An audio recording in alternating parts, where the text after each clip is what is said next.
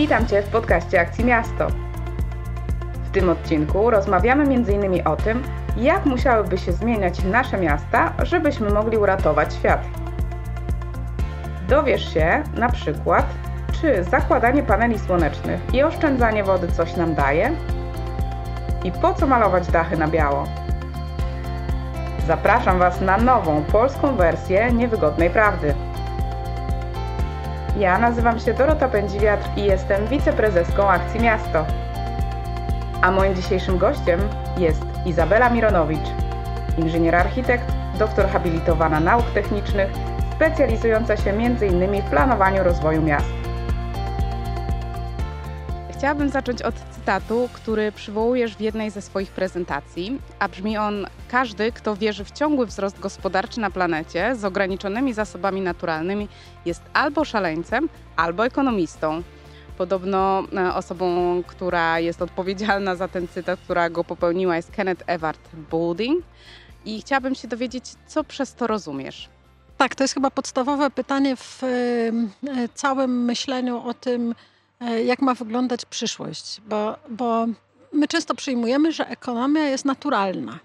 Tak? To znaczy, że ta ekonomia, w której my żyjemy, tak zwana ekonomia wolnego rynku, tak? ani nie jest rynkowa, ani wolna, ale niech się tak się nazywa, tak? To, to jest coś takiego jak oddychanie. Że to jest coś takiego jak, jak, jak kierunek biegu rzek. Tymczasem ekonomia jest zawsze kierowana przez pewien system społeczny. Nie ma tak. My często patrzymy na taki obrazek, który ja chyba nawet przywołałam w tej prezentacji, który pokazuje trzy kółka na siebie zachodzące. I jedna mówi środowisko, drugi mówi ekonomia, trzecia mówi społeczeństwo. I że one tworzą takie trzy równoważne bączki. W takim wizualnym diagramie działamy. Tymczasem jest oczywiste, że ta, ta, klasyczna ekonomia, którą, którą, której uczymy gdzieś tam e, w szkołach, jest taka, że mamy potrzeby tak, i mamy zaopatrzenie tych potrzeb, to się dzieje na rynku i to się gdzieś przecinają, jest jakiś punkt równowagi. Każdy widział takie. No i teraz yy, myśmy powiedzieli, to świetnie, to bardzo dobrze, to wygląda w teorii, że, że to działa, a to niedobrze. A żeby to, to zaspokoić, to musimy zużyć tam energię, coś to wtedy się odpowiada, no tak, a to są tak zwane efekty zewnętrzne. My to kasujemy z tej ekonomii. Od 200 lat z tej ekonomii to kasujemy, tak? Więc teraz w ogóle nie bierzemy pod uwagę, w ogóle nie bierzemy pod uwagę czegoś takiego, jak, jak granice planetarne. To znaczy, że jest określona ilość energii i więcej już nie będzie. Jest określona ilość materii i więcej już nie będzie i tak dalej. Więc teraz to wszystko, co w tej klasycznej ekonomii było, że właśnie mamy y, y, zaspokajanie potrzeb poprzez podaż, tak? Mamy popyt i podaż, on, podaż one się spotykają na tym, w tym punkcie na rynku, to, to jest bzdura zupełna, bo ona eliminuje z tego cyklu absolutnie podstawową rzecz, tak? Znaczy te zasoby, które my zużywamy. Y, w tej ekonomii jest strasznie świetnie, bo po prostu tych zasobów nie ma i ewentualnych śmieci nie ma. Efekty zewnętrzne, tak? Jest taka książka ekonomisty koreańskiego Hyung Changa z, Cambridge, która nazywa się, i myślę, że każdy powinien ją przeczytać. Nazywa się 23 rzeczy, których nie mówią ci o kapitalizmie. Jest przetłumaczona na polskie od wielu lat. Y, jest absolutnie fantastyczna, gdyż tłumaczy coś, co człowiekowi się wydaje właśnie absurdalne. Dlaczego kierowca autobusu w Szwecji zarabia 8 razy więcej niż kierowca autobusu w Indiach, mimo że umie mniej, bo kierowanie autobusem w Indiach jest dużo bardziej wymagającym zajęciem niż kierowanie autobusem w Szwecji. Tak? Więc powinien zarabiać. Więc teraz, jak, jak, jak mówimy o tych granicach planetarnych, to sięgamy do wielkiego działu ekonomii ekologicznej, która właściwie od lat 60. zaczęła się rozwijać, ale siedziała gdzieś w niszach. Ten Hayong Chang e, opowiada w drugiej swojej książce, nazywa, też ostatnio chyba przetłumaczono na polski, nazywa się, nie, nie, nie pamiętam polskiego tytułu, po angielsku się nazywa Economics the User's Guide nie chcę kłamać, jak, jak, jak się nazywa po polsku. I on tam tłumaczy, że ekonomia nie jest żadną nauką, gdyż ma dziewięć różnych teorii, które wyjaśniają, jak działa gospodarka i żadna nie działa. Zależy tylko, w którą się wierzy. Tak? I teraz, czyli, czyli zaczynamy od tego, że jeśli mówimy o kwestii tego, tego, tego przekraczania granic planetarnych, to mówimy o tym, że koncept ekonomii, jaki w tej chwili e, praktykujemy, ignoruje istnienie tych granic. I powinniśmy rozumieć, czyli stąd jest ten żartobliwy, żartobliwy tekst, który mówi, że musi być albo szaleńcem, albo ekonomistą, bo to jest jakby klasyka ekonomii. Tak? Ekonomia ta polega, celem tej ekonomii klasycznej jest wzrost. Mhm. Tak? Nikt nie myśli, co jest na końcu tej, te, te, tego wykresu, po prostu ma być wszystkiego więcej. Tak? No i teraz świetnie, to, to, to, to rozumiemy, że ta klasyczna ekonomia jakby nie bierze tego pod uwagę, to czy są inne. I na ten temat jest już w tej chwili bardzo, bardzo duża porządna literatura. To jest właśnie ekonomia ekologiczna, to są wszystkie teorie postwzrostowe, dewzrostowe, w tym roku wydana świeżo. Ja nie wiem, czy nawet właśnie nie, nie przychodzi do Polski książka Tima Jacksona Post Growth. Yy, chyba tak, właśnie zaraz, zaraz, zaraz powinna się znajdować. Więc, więc jest już dużo teorii, które zaczynają tłumaczyć, gdzie są te granice, granice wzrostu. Tak? I teraz jeśli myślimy o tym, jak mamy praktykować gospodarkę, to musimy sobie zdać sprawę, że te trzy kuleczki, które mówią, tu jest ekonomia, tu jest społeczeństwo, a tu jest y, środowisko, to jest zła wizualizacja, dlatego że powinno być tak. Jak popatrzymy na, jest taki cudowny wykres e, Kate e, Roth, która, która jest autorką tak zwanej ekonomii obważanka. To jest ta taka teoria Donat, tak? która pokazuje, nie, jest środowisko, jest planeta, która ma swoje granice. W tej planecie ży, żyją różne stworzenia, w tym ludzie i tu jest dopiero środowisko i ci ludzie wytwarzają ekonomię. Nie jest powiedziane, że ta ekonomia to jest jedyna możliwa. Nie, to jest taka, jaką my praktykujemy. Ale to oznacza, że nie możemy praktykować tej, którą dotąd praktykowaliśmy, bo właśnie się kończą jej możliwości. Tak? Jest koniec. Jesteśmy nad przepaścią i musimy postanowić, czy skaczemy, czy próbujemy pójść w jakimś innym kierunku. Od tak. Co w takim razie ze zrównoważonym rozwojem? Ponieważ jest to hasło, które myślę w ostatnich latach słyszymy bardzo często z ust wielu osób, bardzo często z ust polityków, e, którzy mówią nam o zrównoważonym rozwoju. Czy to w takim razie jest jakieś rozwiązanie, czy to jest jeden z tych scenariuszy, o których mówimy jako o scenariuszach alternatywnych? E, I teraz ja bym powiedziała tak, że mamy te teorie, e, które, które są wzrostowe, tak? klasycznie wzrostowe. Są takie, które mówią, ustabilizujmy ten wzrost. Już, już nie idźmy w górę, tylko trzymajmy na tym poziomie, co jesteśmy. I są takie, jak właśnie Tim Jackson, tak, które mówią, potrzebny nam jest dewzrost. Tak? Nie, nie ma po polsku dobrego słowa na, na ten dewzrost. E, odwrotny wzrost, tak? E, e, więc, więc trudno sobie znowu wyobrazić, co by to miało być, bo trzeba znaleźć jakieś pozytywne słowo na to, tak? Kate Raworth używa takiego słowa angielskiego thriving. Nie growing, tylko thriving. E, e, powiedzieć, że to jest kwitnący upadek też by chyba nie było dobrze. E, no ale, ale, ale wracając do, do, do rzeczy, więc mamy te teorie prowzrostowe, stabilizacyjne i dewzrostowe. I teraz mówimy tak, możliwy jest taki wzrost i w tym, w tym się mieści też Zielony Ład do pewnego stopnia.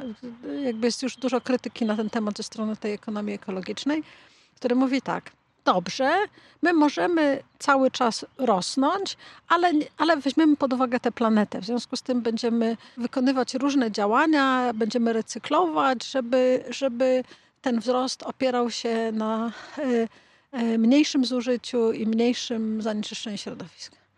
No i teraz na to jest tylko jedna odpowiedź. Nie możemy recyklować energii. Jeżeli energię zużyliśmy, to już jej nie ma i jej nie odzyskamy. No to od, zaczynamy od razu na początku, trafiamy na ścianę. Nie? Z ludźmi tak jest, że się zatrzymują dopiero jak trafiają na twardą ścianę, tutaj tak jest. A druga rzecz jest taka, że z materiałów odzyskujemy bardzo mało. Nie chcę teraz kłamać, ale nie, nie wiem, czy to nie jest około 10%, z czego połowę znowu zużywamy na energię, tak na wytworzenie energii no to nie, nie ma takiej rzeczy. Po prostu nie ma takiej rzeczy. Tak, wzrost jest środowiskowo niezrównoważony. Defin z definicji to wynika, tak, że to, tego się nie da zrobić. Nie, nie można ciągle, ciągle rosnąć. Zobaczcie, to, samo dotyczy nawet takiej strasznie kontrowersyjnej rzeczy, jak, jak, wielkość populacji ludzkiej. Tak?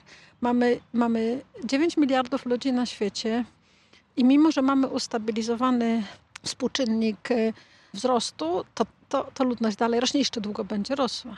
I teraz nawet gdybyśmy byli najbardziej ekologiczni, a nie jesteśmy, to już sama ta liczba powoduje, że dzieją się różne bardzo trudne e, rzeczy dla środowiska. Więc jeżeli, jeżeli mówimy zrównoważony wzrost, to spowolniamy prawidłowy opis sytuacji. Tak? Bez dobrego opisu sytuacji nie możemy podjąć sensownych działań, bo nie wiemy, gdzie myślimy, że może asy panele zamontujemy, a może będziemy wyłączać wodę, jak będziemy zęby myli, no jakieś takie historie.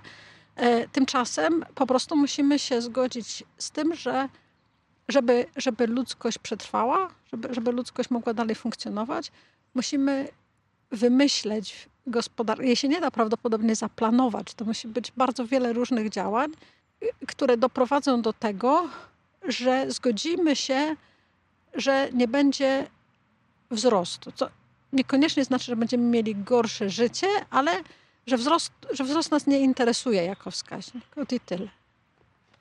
Skoro w takim razie rozmawiamy o przyszłości, to spójrzmy w takim razie też z perspektywy miast, jak ta przyszłość y, może wyglądać. Y, I jeśli weźmiemy dla przykładu nasz Wrocław, to chcielibyśmy Tobie zaproponować takie ćwiczenie. Wyobraźmy sobie, że mamy rok 2040 E, czyli 20, no niecałe 20 lat do przodu. Jak do tego czasu powinien zmienić się Wrocław, czy też w ogóle powinny zmieniać się miasta? Jakie rzeczy, które teraz może wydają nam się niemożliwe, bezsensowne, czy w ogóle jakieś e, takie kosmiczne niemalże, wtedy będą już normą, czy też powinny być normą, żebyśmy dążyli do takiej e, przyszłości, e, którą tutaj nazywamy post-growth, czy, czy takiej alternatywnej do, do ciągłego wzrostu.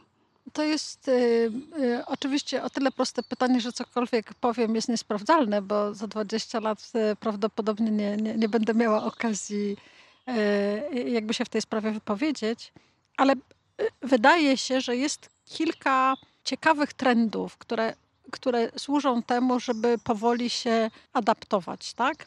Pierwszy jest taki, że jest jakaś rosnąca świadomość tego, że miasta będą tymi głównymi maszyneriami przetrwania. Y, to wcale nie jest tak, że, że miasta są największymi y, jakby terytorialnie zanieczyszczaczami, bo tutaj mamy rolnictwo uprzemysłowione, które jest straszne, jeżeli popatrzymy na, na terytorialnie, no ale nie da się ukryć, że zużywają najwięcej e, energii, tak? I to jest ten. Ale z drugiej strony, dzięki, dzięki gęstości, mogą te energie zużywać najbardziej efektywnie. Słuchajcie, mamy piękne towarzystwo, dzięcioły, po prostu wiewiórki, jakieś takie biegające stworzenia. I teraz tak, po pierwsze, te miasta, i, i, i na to są już całkiem porządne dokumenty OECD na przykład muszą być dogęszczone. To znaczy, to, to wygląda paradoksalnie, że chcemy z jednej strony te, te, te miasta robić bardziej ludzkimi, a z drugiej strony bardziej dogęszczonymi, ale popatrzcie na taki przykład, który jest niedaleko od Wrocławia na Wiedeń, 500 kilometrów stąd i to jest świetny przykład kilku polityk, które wydaje się, że są przyszłościowe. Po pierwsze właśnie, że utrzymuje się dość wysoką gęstość miasta, a dzięki temu mamy urządzenia dla wszystkich. Tak? Jeżeli mamy dużą gęstość, to możemy siedzieć w 100-hektarowym parku. Jeżeli mamy wysoką gęstość, to możemy efektywnie wydać pieniądze na linię tramwajową czy tam y, y, pociągową. Możemy wydać pieniądze na przykład na zdalne źródła ciepła itd. Tak itd. Tak Czyli ta gęstość, ona, ona nie jest sama dla siebie, ona jest dla uzyskania pewnego rozłożonego efektu możliwie małego zużycia środowiska. Tak? Czyli nie zajmujemy coraz więcej, tylko zajmujemy tylko tyle, ile niezbędnie musimy. Jest już jakieś miasto amerykańskie, jedno, które zakazało zabudowy jednorodzinnej. Tak, ja zadałam na kilku spotkaniach pytanie, który u nas burmistrz pierwszy się odważy powiedzieć, nie zrobię ani jednego planu, który dopuszcza zabudowę mieszkaniową jednorodzinną. Wyobraźcie to sobie. To nie jest przecież jakaś straszna rewolucja, nie? Można by stanąć i powiedzieć, ja, Jacek Sutryk, nie będę pozwalał na zabudowę mieszkaniową w tym mieście. Nie stać nas na to. Nie będziemy zakłócać środowiska. Tak? Więc teraz, skoro, skoro mamy tę rosnącą liczbę ludzi, tak jeszcze cały czas i jeszcze będzie jakiś czas rosła, no to musimy myśleć o tym, żeby zaspokoić ich potrzeby, ale też, żeby zaspokajać je inkluzywnie. I to, to, wszystkie możliwe dyskusje na ten temat to podkreślają, że ta cała nowa ekonomia musi działać bardziej dystrybucyjnie niż konkurencyjnie. Innymi słowy, nie, nie, może być tak, jest takie słynne zdjęcie z São Paulo, gdzie na jednej połowie są e, budynki mieszkalne tak luksusowe, że ludzie na tarasach mają baseny, a za murem jest fawela. Tak? I teraz to nie chodzi o takie miasto. Chodzi o takie, gdzie każdego potrzeby są zaspokojone, ale nie ma tak, że, że jeden ma e, e, basen na tarasie, a drugi mieszka w faweli. I znowu ten, ten Wiedeń przychodzi dobrze do głowy, dlatego że tam ilość mieszkań posiadanych przez miasto Wiedeń e, przekracza 60%. I teraz zauważcie, że, że bycie deweloperem w tym mieście oznacza, że on się musi dostosować do tego, jaką politykę mieszkaniową prowadzi miasto. Tak? Więc y, y, to, to jest taki podstawowy element inkluzywności. Tak, ludzie muszą mieć schronienie, ale to nie znaczy, że każdy ma mieć domek jednorodzinny.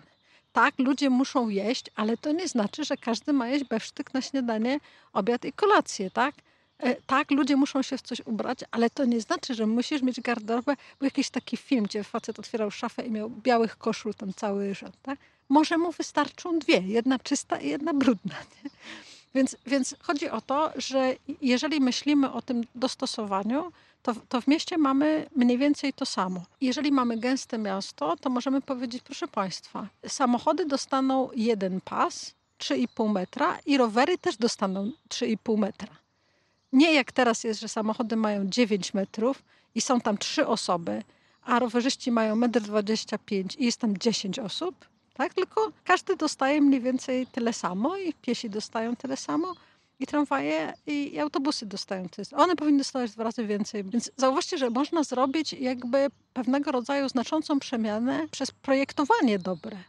I teraz pytacie się, czy to będzie dobrze przyjęte? Odpowiem nie. Nie, bo, bo to jest oczywiste, że jakby różnego rodzaju zakazy, jak powiemy, dobrze, macie przecież ulicę, ale powiedzą, ale tu są korki, no to pojedź rowerem, tak?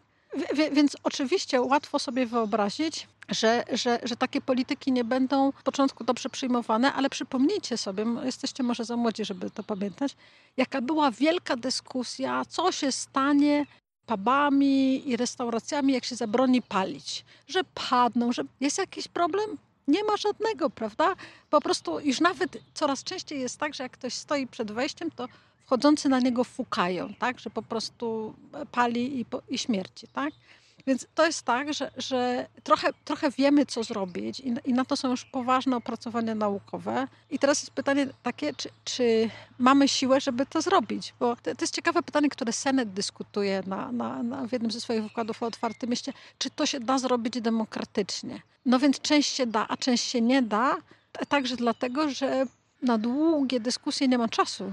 Znaczy niektóre polityki trzeba wdrażać już. Zauważcie, że, że y, taka dyskusja na temat tego globalnego podatku, która się toczy, ją, ją trzeba skończyć w półtora roku, a, a nie y, prowadzić szeroką debatę, a już zwłaszcza z zainteresowanymi kompaniami, czy one by chciały cokolwiek zapłacić. Tak?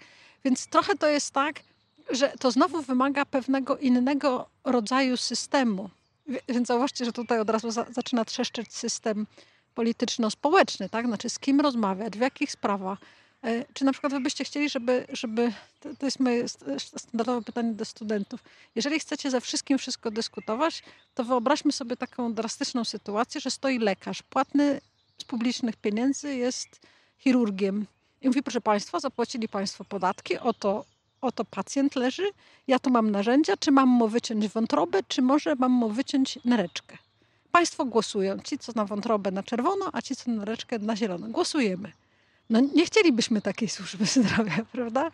Więc, więc tutaj jest tak, że niektóre rzeczy trzeba zrobić, bo je trzeba zrobić. Tak? Y, teraz jest pytanie, jak to wdrażać? Bo to, to, to też wcale nie jest takie oczywiste, że że właśnie to, musi być na siłę, bo zauważcie, że te poszerzanie pasów rowerowych stało się nagle, nawet w takich, w takich miastach, które mają niezłe te, te, te struktury jak w Berlinie czy, czy w Wiedniu, tylko dlatego, że wybuchła pandemia i nagle się okazało, że możemy wejść i się rozepchać, bo musimy trzymać dystans. Tak? Więc, więc y, tego rodzaju polityki w mieście przyszłości będą musiały być oczywiście bardzo powszechne. I to teraz zauważcie, że część z nich będzie taka odgórna, tak? to znaczy, że właśnie trzeba będzie wymyśleć, jak zrównoważyć transport różnego rodzaju. Trzy dla pieszych, trzy dla rowerów, trzy dla samochodów i trzy dla transportu publicznego. Tak? No dla transportu publicznego bym dała lekkiego do przodu, ale y, y, widzicie, to jest jakby, teraz powiedzmy demokratycznie, czy to jest przyzwoite? No przyzwoicie jest, tak? Każdy dostał tyle samo przestrzeni. Tak? Więc, więc jedne są odgórne, ale też oczywiście jest całe mnóstwo oddolnych działań, bo jakby nie da się tego zrobić ani w ten sposób, że ktoś przyjdzie i powie tak robimy i wszyscy za nim podążą, tylko, tylko z, z jednej strony niektóre systemy muszą być zarządzane od góry, a z drugiej strony musimy mieć te systemy oddolne, to znaczy, że ludzie nie wiem, no właśnie e, malują dachy na biało. Dobrze, nie mają pieniędzy, żeby zrobić zielone dachy, bo one są trudne, tak? Trzeba zrobić specjalną konstrukcję, odwodnienie. Byłoby świetnie, gdyby wszyscy mogli mieć zielone dachy.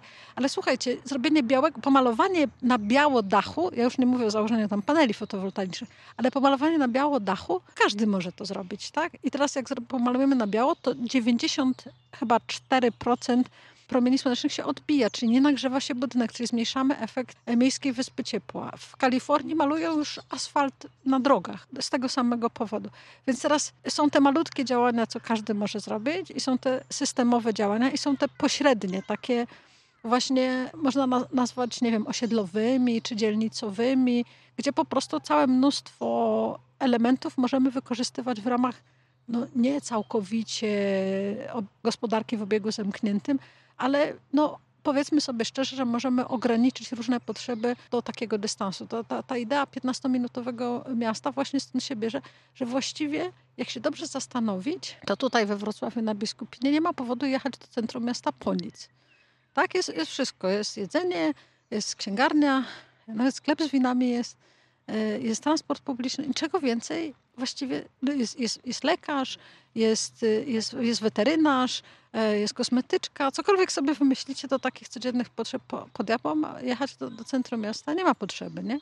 Więc w tym sensie jakby to, to równoważenie działań dla miasta e, musi się odbywać z każdego poziomu. Nie wiadomo, jak to, jak to by miało wyglądać e, z poziomu państwowego, ale z pewnością wydaje się, że polityki europejskie tutaj dają pewne wskazówki właśnie z, z e, takimi wdrażaniem polityk, szczególnie na przykład y, dążących do inkluzywności, do zapewnienia różnego rodzaju e, wspólnych urządzeń i tak dalej. Czyli to miasto przyszłości będzie takie, że na pewno będzie inne, w tym sensie, że będziemy musieli oczywiście się dostosować do różnych ograniczeń, ale to niekoniecznie znaczy, że ono będzie dużo gorsze, tak? bo być może będziemy mieli łatwiejszy dostęp do przedszkola, do, do usług. Być może zamiast tracić czas w, w samochodzie, Zauważcie, że dzisiaj ludzie wożą na przykład dzieci do szkoły w różne miejsca. Tak? Jeżeli byśmy mieli sensowny, właśnie dystrybucyjny system szkolnictwa, to właściwie do której szkoły pójdzie dziecko jest wszystko jedno. Do najbliższej najwy, najwygodniej, żeby założyło tornister i poszło. Tak? Więc to, to, to jest takie, takie, takie pytanie, gdzie, gdzie będziemy równoważyć te potrzeby, tak? gdzie, gdzie, gdzie będziemy uważać, że, że coś nam jest naprawdę potrzebne. I rozumiemy, że nie możemy chcieć tyle, co najwięksi zżeracze z Arabii Saudyjskiej, tak? Że musimy mieć własny samolot z własnym pilotem i tak dalej. Tak? Nie, no nie. Więc, więc te miasta będą inne w tym sensie, że będziemy się musieli dostosować do, do takich, y, do, do, do trochę innego stylu życia, ale z drugiej strony tak mi przychodzi do głowy, że, że od tego jest taka kultura i trendy, żeby to promować. Tak w końcu nie jest tak, że ludzie wymyślają sami, co chcą. Skąd biorą pomysł, czego potrzebują tym, co mówisz, e, ja słyszę między innymi, że potrzebni nam są odważni politycy. A pamiętam też, że w jednym ze swoich wystąpień mówiłaś, że uczciwi politycy powinni nam, tak jak Churchill, oferować tylko krew, znój, łzy i pot.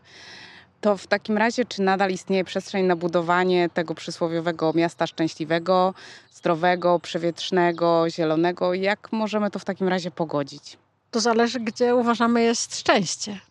Tak, jak sobie odpowiemy na to pytanie, czy szczęściem jest, że masz więcej sukienek, więcej butów, więcej samochodu, większy silnik, więcej wylatałeś samolotem, no to oczywiście tego już nie, jest, nie możemy kontynuować. Tak? Natomiast jest takie pytanie, to jest to słowo thriving tak, versus growing. Czy ta szczęśliwość może oznaczać, że więcej ludzi ma dobre życie? Bo pamiętajmy, my to jakby z polskiej perspektywy często Chociaż w Polsce nierówności są bardzo duże, więc też, żebyśmy nie mieli jakiegoś takiego wyobrażenia, że u nas jest super. Ale, ale być może nie są one aż tak widoczne, dlatego że one mniej są widoczne w przestrzeni miejskiej, one, one, one się dzielą na, na, na miasta i mniejsze miasta i, i wsie. Tak?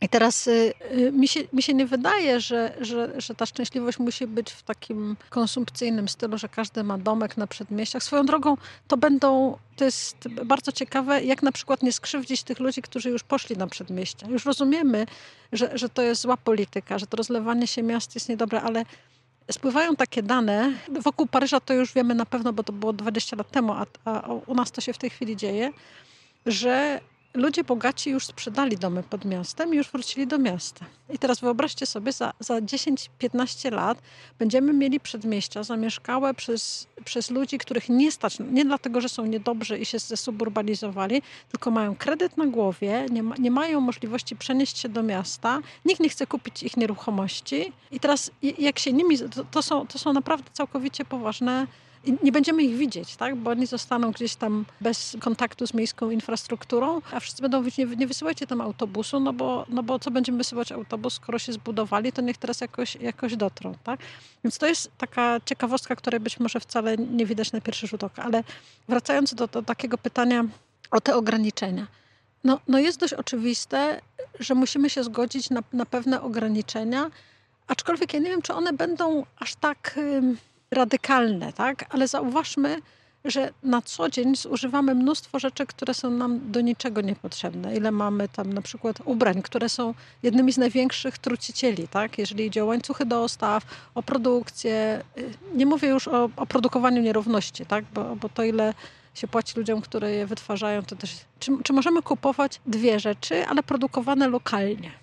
Na przykład projektowane, szyte lokalnie, tak? I jakby wspierać e, lokalny biznes, tak? Czy możemy kupować od, od rolników e, lokalne pożywienie, tak? Jakby nie musimy zaraz wycinać wszystkich lasów na awokado, tak? Awokado jest fajne, ale możemy powiedzieć, że jesteśmy w stanie z niego zrezygnować po to, żeby zachować lasy deszczowe. Tak? No to mówią właśnie te manifesty 11 tysięcy naukowców, no, docelowo musimy przejść na żywność pochodzenia roślinnego. Nie jesteśmy w stanie wy, wytrzymać takiego rolnictwa żywiącego zwierzęta na pożywienie, które później notabene jest w iluś tam straszliwych procentach marnowane. Więc e, to pytanie o określenie, co nam jest potrzebne i, i gdzie, gdzie są dla nas ważne rzeczy, tak? gdzie są dla nas, czy, czy ważne jest dla nas mieć czas na przykład, żeby przeczytać książkę. To jest straszna sprawa, tak? Ludzie nie mają na to czasu. Albo żeby z kimś posiedzieć i pogadać, tak? Przez, ten, przez te półtora roku już właściwie pandemii mi się wydaje, że na pewno nastąpiło poza laboratoriami medycznymi jakiś upadek intelektualny, dlatego że myślenie kształtuje się w zderzeniu. Jest, jest bezsensowne w nauce, jeżeli się wszyscy zgadzają. To prawdopodobnie e, coś jest nie tak. Więc, więc jak się pojawia opozycyjny pogląd, to, to musisz przemyśleć sprawę, żeby dobrze uargumentować swoją postawę albo, albo być może ją skorygować. To nie jest nic strasznego, tak? Jak ktoś mi mówi, od zawsze uważałem, to ja sobie myślę, od kretyn, tak? No, no, no bo to znaczy, że niczego się w życiu nie nauczył, tak? E, e, mi się wydaje, że ja jak, jak, jakbym przejrzała wykłady swoje sprzed 10 lat, to dzisiaj by wszyscy oblali. Nie? Wszystko, wszystko jest inaczej, bo zmienia się kontekst, zmienia się wiedza, zmieniają się e, podejścia, zmieniają się, wszystko, wszystko, wszystko się ruszy. Więc w tym sensie to, to myślenie ta, takimi brandami, tam miasto szczęśliwe, miasto innowacyjne, miasto rezylientne i tak dalej, to to są takie e, marki, gdzie znowu mamy jeden obrazek i, i go upraszczamy, nie? a miasto jest strasznie złożone. I, też podkreślałam w tym, w, tym, w tym wykładzie, do którego się odwołujemy, że skomplikowany nie znaczy złożony.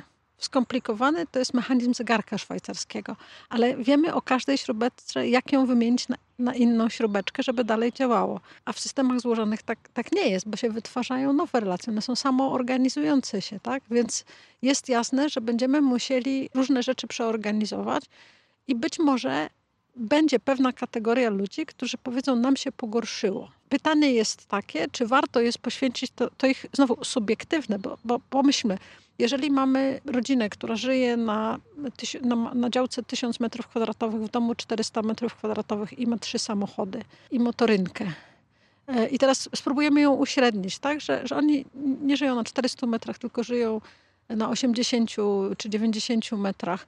E, nie mają samochodu, tylko jeżdżą środkami transportu publicznego albo na rowerach, a, mają jeden samochód, na przykład szerowany, tak? To czy to jest pogorszenie się ich jakości życia, jeżeli kosztem tego na przykład zapewnimy mieszkania 20 innym ludziom? No, no, jakby też musimy myśleć o tym, że nie jesteśmy jedyni. Mnie to często przychodzi do głowy w takiej konfrontacji wschodu z zachodem. Nie? To, to Chiny mają takie podejście, co ja przyniosę społeczeństwu, tym, że coś zrobię, a my myślimy, co społeczeństwo może zrobić dla mnie, jak ja się rozwinę. I to widać y, y, również, wiecie, na miastach, na przykład takich super turystycznych jak Barcelona, Gdańsk też ma taką, taką charakterystykę, tak? Wyspa Spiszów jest wyprzedana na krótkoterminowy najem i teraz przez pandemię ktoś musiał utrzymać tę martwą substancję, tak? Bo, bo, nie było komu za to zapłacić. Trzeba było zapłacić za ogrzewanie, za wodę. To wszystko cyrkulowało bez sensownego zużycia. Teraz pytanie jest takie, ja bym chciała jechać do Barcelony na weekend już pal 6 ten samolot. A teraz jaki jest zysk dla Barcelony z ciebie? To, że wzrośnie, wzrośnie cena wynajmu tak, że ludzie muszą się wyprowadzać z Barcelony na e, obrzeża, bo ich nie stać, bo Anglicy yy, to jest komar. O, już teraz będzie ok. Komarzyca właściwie. Yy, bo ich nie stać na wynajęcie mieszkania w centrum miasta, gdzie mają wszystko, gdzie mają 15-minutowe miasto, tak? Że, że upadają uczelnie w Barcelonie, bo studentów nie stać na wynajem mieszkania, bo jest za drogo, przenoszą się do innych miast. E, pytanie jest takie, czy to przynosi rzeczywisty zysk Barcelonie, że kilkunastu pijanych gości snuje się w sobotę wieczorem po Rambli? Myślę, że mogliby się bez nich obejść. Teraz jest pytanie, dobrze, och, jakie straty to przynosi, przynosi gospodarce. No pytanie, czy ta gospodarka nie mogłaby się zająć w tym czasie czym innym, tak? Czy musimy koniecznie mieć więcej pubów dla gości, którzy muszą się y, napić i wejść nago do sklepu. Były takie zdjęcia w sieci, tak, że jakieś, jakieś takie były zawody.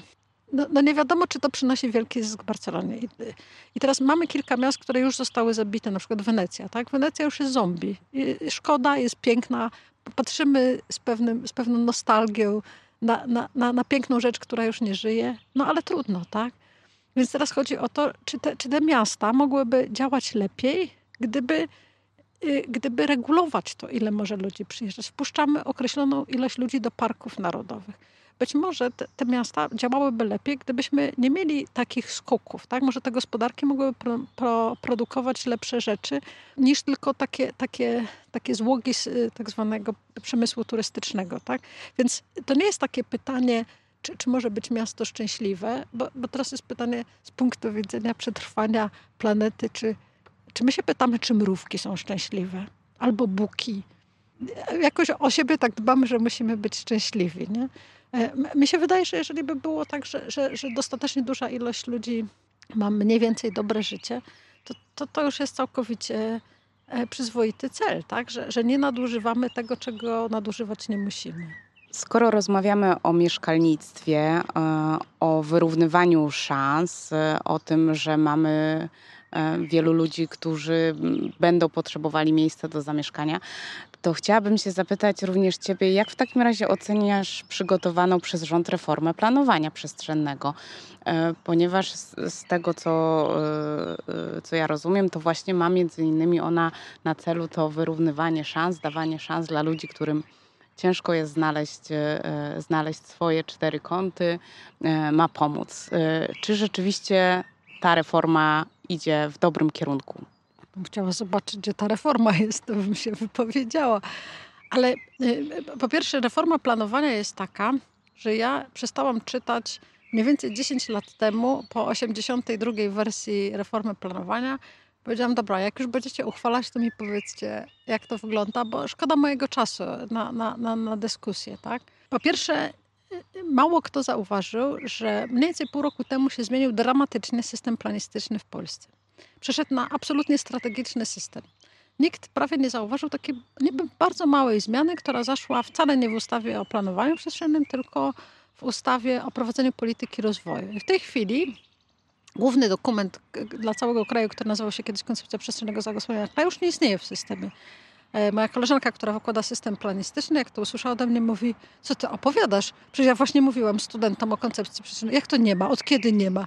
Od, od listopada. Mówi, nakłamałam im, muszę teraz iść wyjaśniać wszystko. Gdzie to jest? Bo jesteśmy przyzwyczajeni do jakiegoś, do jakiegoś specyficznego systemu. Tymczasem jest koncepcja rozwoju kraju, która ma komponent przestrzenny. Nie ma osobnego przestrzennego dokumentu dla całego kraju. Pojawiły się strategie polityki regionalne, pojawiły się strategie wojewódzkie, pojawiły się strategie ponadlokalne, lokalne i teraz wydaje się, że to nie ma znaczenia, ale teraz dokumenty planistyczne muszą być zgodne ze strategiami. I wiecie, gminy sobie pouchwalały takie strategie, że one będą dążyły do, do, do, do jakichś celów, na przykład zrównoważonej mobilności. I teraz będziemy sprawdzać, czy studium jest zgodne z takim, z takim, z takim celem, jak się okaże, że nie jest.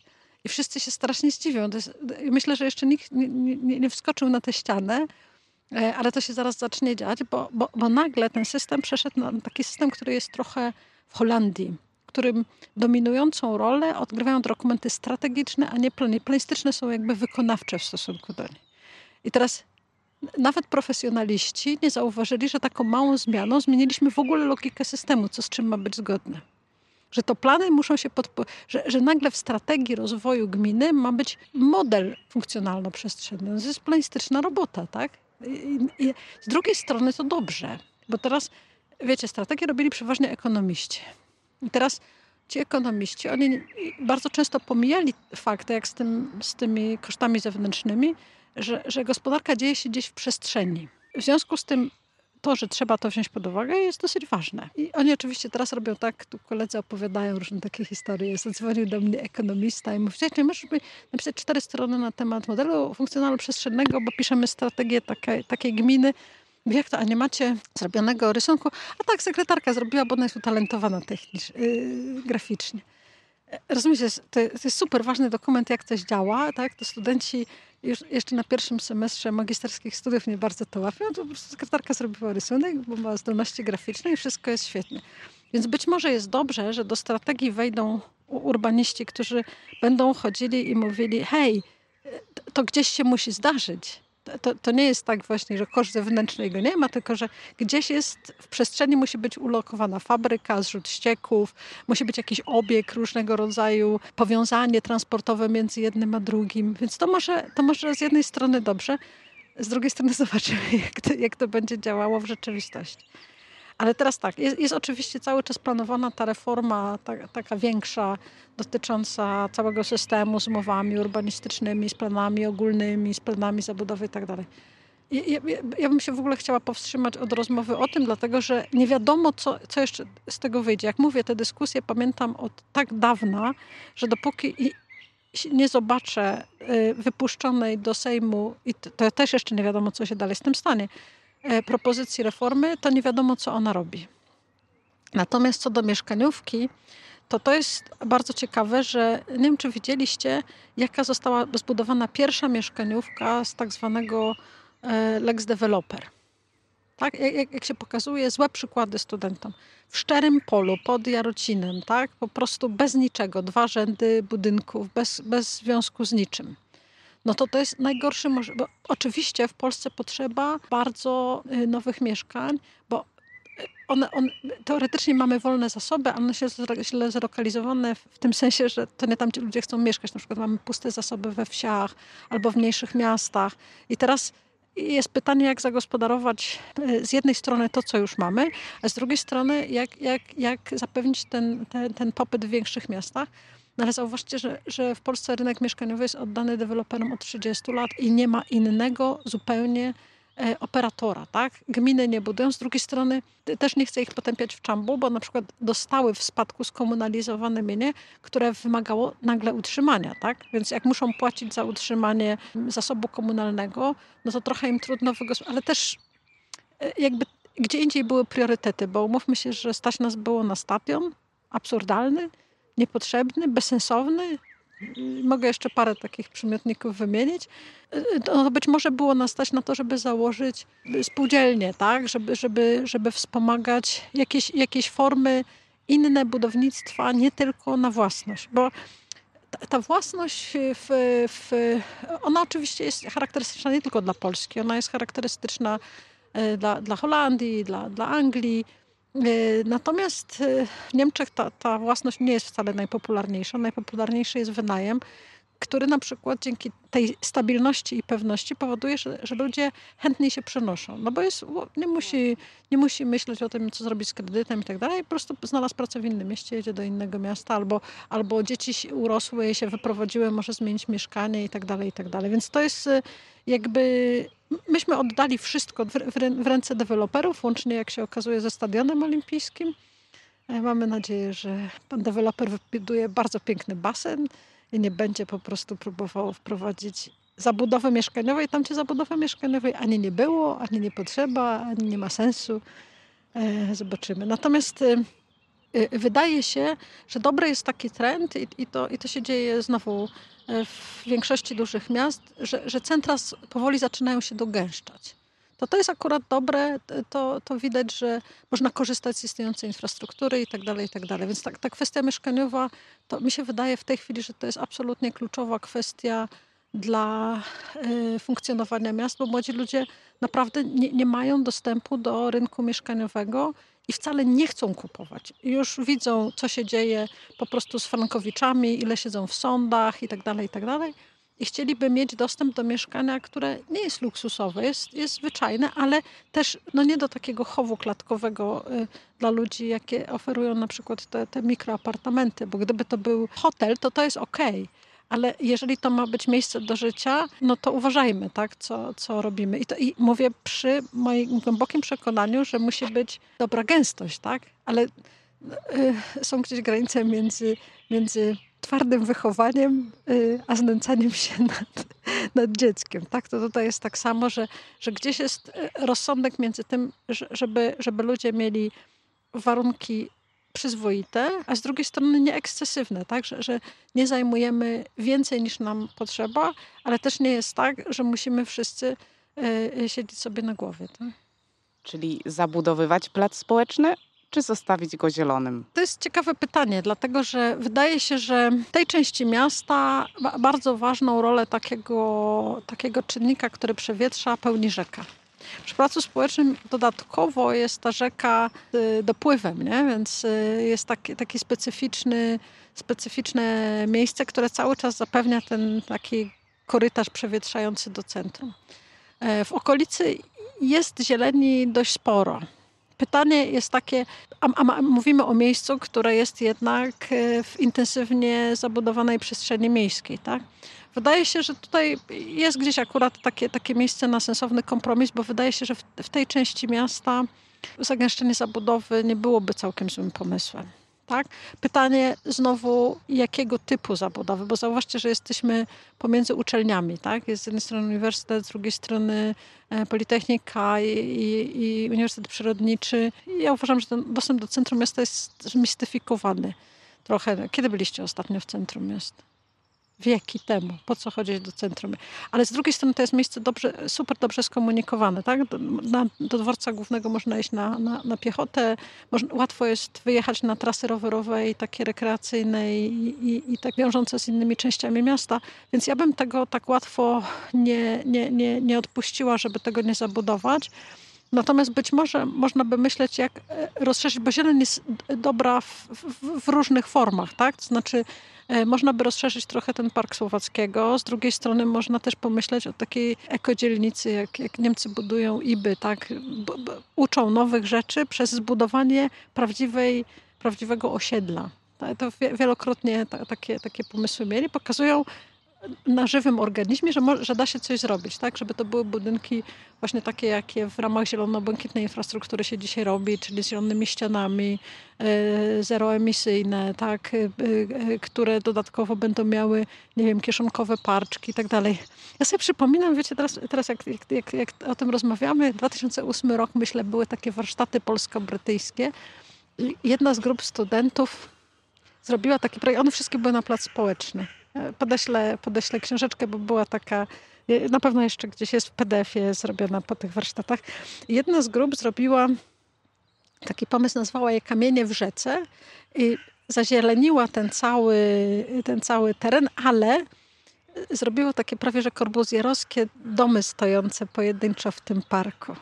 I teraz, wiecie, to ludzie mówią przeklęty modernizm, nie?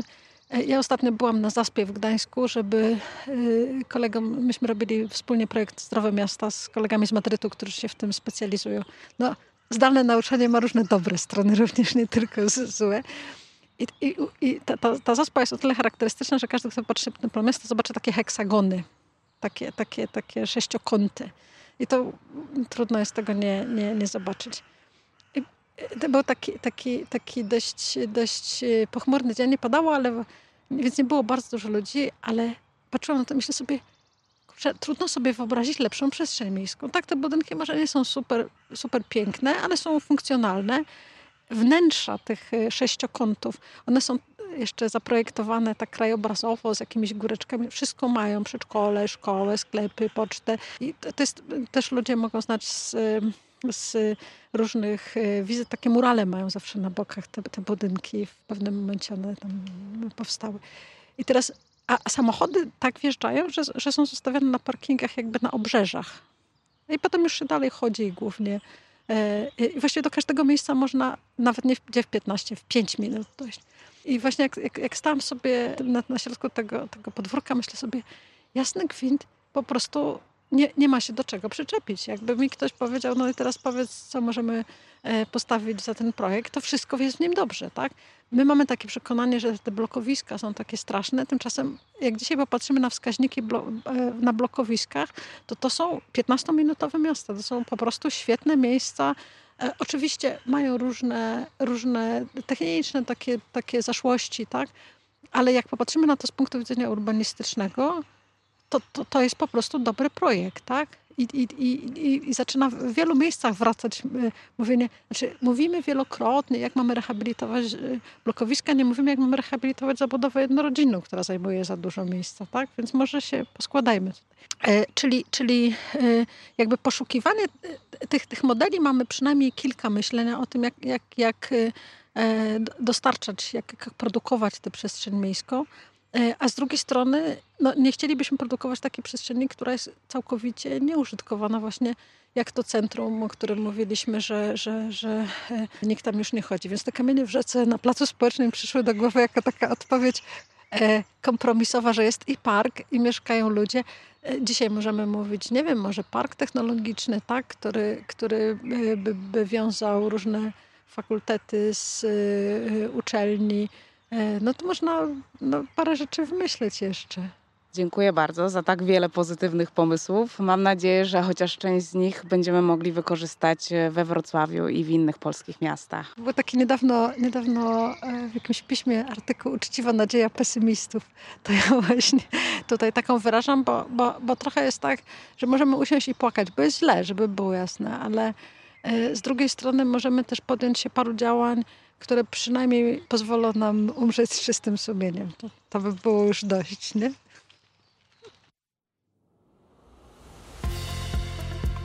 Mamy nadzieję, że Wam się podobało. Dajcie nam znać, co myślicie. Nasz podcast możecie zasubskrybować m.in. na Spotify, Apple Podcast czy Google Podcast. Do usłyszenia w podcaście Akcji Miasto.